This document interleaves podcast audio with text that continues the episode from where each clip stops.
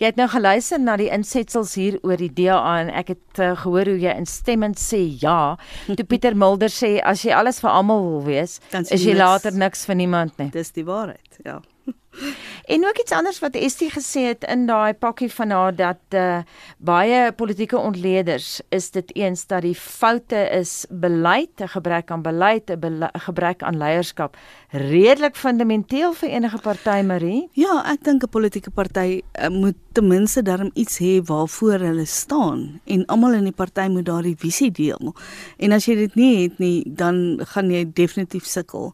En ek dink die DA leiers het nie uit eermond uit gepraat nie. So dis waar die kwessie van leierskap ook dan natuurlik baie sterk in in uh, uitkom.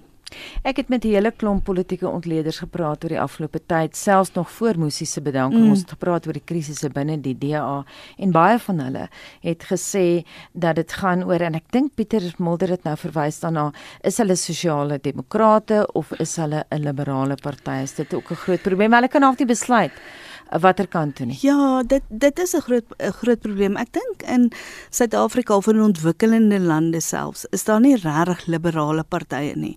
Ek dink die laaste liberale party wat ons gehad het was waarskynlik die progressiewe party selfs nog voor die progressiewe federale party.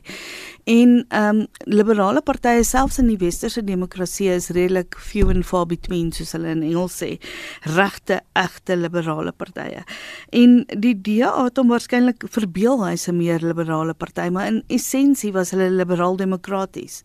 En hulle het baie meer na die sosiaal-demokratiese kant toe begin beweeg en die onder, ondersteuning uh, gegee vir die DA in kwessies soos die ehm um, ehm um, die toelaas die onteiening van grond en daai dinge saamgestem met die ANC sodat baie mense natuurlik na die DA verwys het as ANC light soos wat jy sal onthou. Hmm. Ehm um, ek dink hulle het daar hulle hulle het regtig soos Pieter gesê het te pro, geprobeer om te veel dinge vir te veel mense te wees want jy kan nie liberaal, liberaal demokraties en sosiaal demokraties alles in een ding wees nie. Jy het reeds so wat 2 jaar gelede gesê hier kom probleme en jy was 'n stem roepend in die woestyn. Ja, ek dink wat ons wat ons gesien het die DEA se hoogtepunt ten opsigte van stemme werf was natuurlik in die 2016 plaaslike verkiesing die die munisipale verkiesing het baie baie goed gedoen in die plaaslike verkiesing. En hulle het gedink dan nou gaan hulle hierop voortbou en hulle gaan ten minste 30% van die stemme kry in die volgende algemene verkiesing wat in uh 2019 sou gekom het soos ons weet. Maar uh ek dink in daai stadium kon mens reeds sien daar was in die DA self was daar nie hulle het nie uit een mond uit gepraat nie. En dit was die groot ding wat my geplaat in daai stadium dat die ehm um, as mens kyk na die kernondersteuning van 'n party was die DA se kernondersteuners nie vreeslik baie nie. Hulle het hierso so 10 14% baie mense het DA gestem nie uit oortuiging nie maar omdat daar niemand anders was om voor te stem nie. So as jy 'n politieke party is, wil jy natuurlik soveel as moontlik kernondersteuners hê op wie jy kan reken in 'n in 'n in 'n verkiesing. Maar die DA kon nie daai 27% wat hulle gekry het in die 2016 verkiesing um verander in sterk kernondersteuners nie en daarop voortbou nie. Hulle werklike kern was altyd baie kleiner. Hoe gaan dit die oppositiepolitiek se landskap verander? Ek dink dit gaan nogal baie interessant wees. Dit hang natuurlik af of die ehm um, DA gaan oorleef. Ehm um, dit weet ek nie. Want hulle hulle groot kwessies was soos wat ons nou al gepraat het oor geloofwaardigheid en vertroue. En hulle kon nie ehm um, af aflewer. Kom ons gebruik nou maar die woord opgeloofwaardigheid en vertroue nie.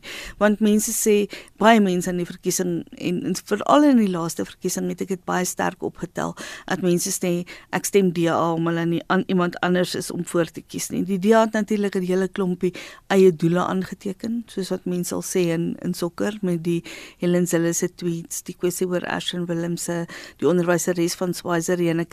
Jy hmm. moet uit een mond uitpraat as 'n politieke leierskap. Jy kan nie een ding sê en jy of jy kan nie ooreageer oor 'n ding en dan later terugkrabbel en sê, "Oh, ek het nie al die feite gehad nie." Hmm. Jy moet verantwoordelikheid neem, veral in hierdie tyd waarin ons lewe van Twitter en sosiale media en sulke dinge. Jy moet dink voordat jy daai Twitter plaas regtig.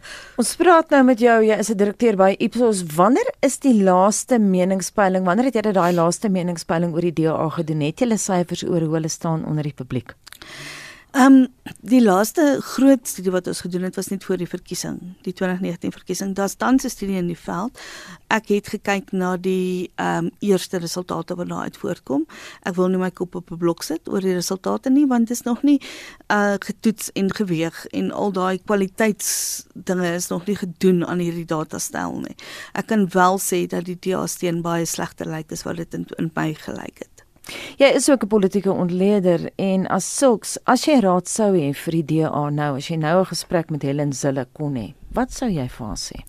Besluit wat jy wil wees en doen dit.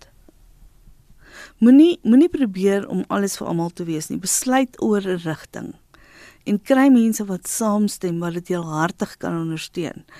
Um ek is nie so heeltemal seker dat die DA die regte party is daar tussen die ANC en die Vryheidsfront Plus nie. Hulle moet besluit wat hulle wil wees. Want in hierdie stadium is die die DA vir my heeltemal te veel regs geskuif. En daar is definitief 'n gaping tussen die ANC en die Vryheidsfront Plus, maar of dit ek dink nie dit gaan die DA in sy huidige vorm wees nie. Dit gaan eerder dalk 'n rekonstruksie van iemand van iets anders wees.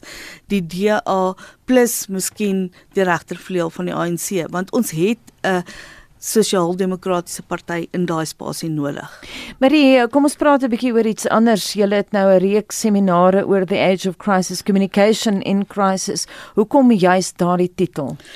Jong, daar word baie geskryf en gepraat in die wêreld oor die alles wat in krisis is, die krisis waarin die wêreld is ten opsigte van politieke leierskap, ten opsigte van klimaatskwessies, ongelykheid, onsekerheid en al hierdie dinge, beleidsonsekerheid. So Suid-Afrika is nie alleen nie.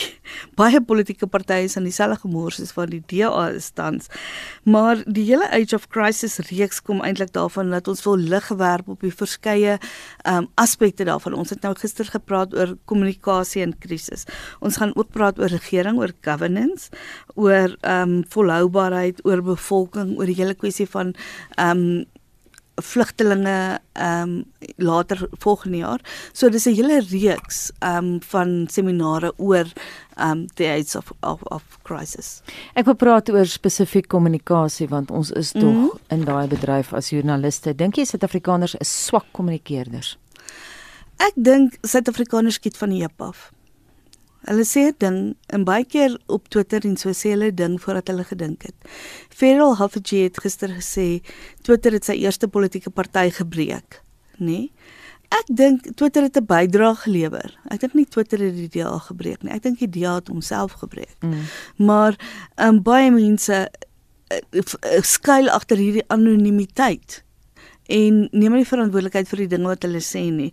En ehm um, daar is ook baie goeie kommunikeerders in Suid-Afrika. Ek kan nou nie die baba met die badwater uitgooi nie, maar ek dink in baie gevalle dink mense nie voordat hulle praat of skryf nie. Maar jy het nou verwys na Twitter en die sosiale media. Dink jy die tradisionele die tradisionele media word onregverdig vergelyk met sosiale media? Natuurlik. Ek dink dit is baie waar dat hulle onregverdig vergelyk word, maar ek dink in baie gevalle lê die skuld daarvoor ook by die tradisionele media, want baie tradisionele media hou nie hulle paadjies skoon nie. Hulle fokus baie keer op politieke dienstigheid, soos byvoorbeeld Fox News wat dinge sal publiseer wat ehm um, in die belang van president Trump is. As jy jou kant van die paadjie skoon hou, dan kan dit werk, maar die natuurlik, die hele kwessie oor sosiale media gaan oor anonimiteit. En ook ek nou vroeër na Ferial verwys, sy het ook gister gesê en ek stem heel hartig met haar saam dat die platforms in sosiale media soos Facebook, Instagram, um Twitter moet verantwoordelikheid neem meer verantwoordelikheid neem vir die dinge wat gepubliseer word. Daar moet reëls wees. Ek weet hoe dit begin het. Was daar nie reëls nie want dit was 'n kwessie van vryheid van spraak. Maar ek in wese is 100% agter iets soos vryheid van spraak. Maar soos alle dinge in 'n demokrasie, jy kan nie vryheid van spraak eis as jy nie verantwoordelikheid aan die dag lê nie. En ongelukkig is dit die kwessie met sosiale media in hierdie stadium. Daar's vryheid van spraak, maar daar's baie min verantwoordelikheid. So ek dink die regulering van hmm. van van sosiale media is 'n groot kwessie vir die volgende paar jaar wat moet gebeur. En ehm um, ek dink ook die kwessie van anonimiteit moet verwyder word sodat as jy iets sê dat jy jou naam daarby moet sit. En die bitsigheid ja. van die kritiek, jy weet ek kyk nou byvoorbeeld in Brittanje op sosiale media, staar 'n groot debat oor eh, die koninklikes, maar die bitsige goed wat gesê word is net ongelooflik. Dit is absoluut ongelooflik, maar die die rede waarom mense dit kan sê is omdat hulle nie dit nie word nie aan hulle toegeskryf nie. Hulle hoef nie verantwoordelikheid daarvoor te aanvaar nie. Die groot ding natuurlik met die tradisionele media is en byvoorbeeld ons in die hmm. uitsaai bedryf, ons moet verantwoordelikheid aanvaar. As ons iets sê op die lig, uh wat iemand ons woord wil gaan aankla, dan kan hulle dit doen. So jy kan nie net sê wat jy wil en dink jy gaan daarmee wegkom. Natuurlik, uh, jy weet as jy uh, iemand is daar buite op sosiale media, as jy iets tweet of jy stuur iets op WhatsApp en jy's 'n gewone burger, kan jy redelik maklik sê wat jy wil en daarmee wegkom. Ja, natuurlik as jy in 'n posisie is soos in 'n in 'n in 'n media organisasie, daai kwessie van verantwoordelikheid check jou feite. Maak seker alles is reg wat jy sê. Maar ek dink dis wat jy het my vroeër gevra of Suid-Afrikaners onverantwoordelik is as, as dit kom by kommunikasie. Ek dink nie net ons nie, daai kwessie van van die heup afskiet. Sommige net iets sê wat in jou kop opkom en kom ons hmm. deel dit met die wêreld. Ek dink ehm um, mense is redelik ehm um, onvolwasse in hulle kommunikasie want daai die groot ding is daai dinge gaan nie weg nie. Dit bly altyd daar.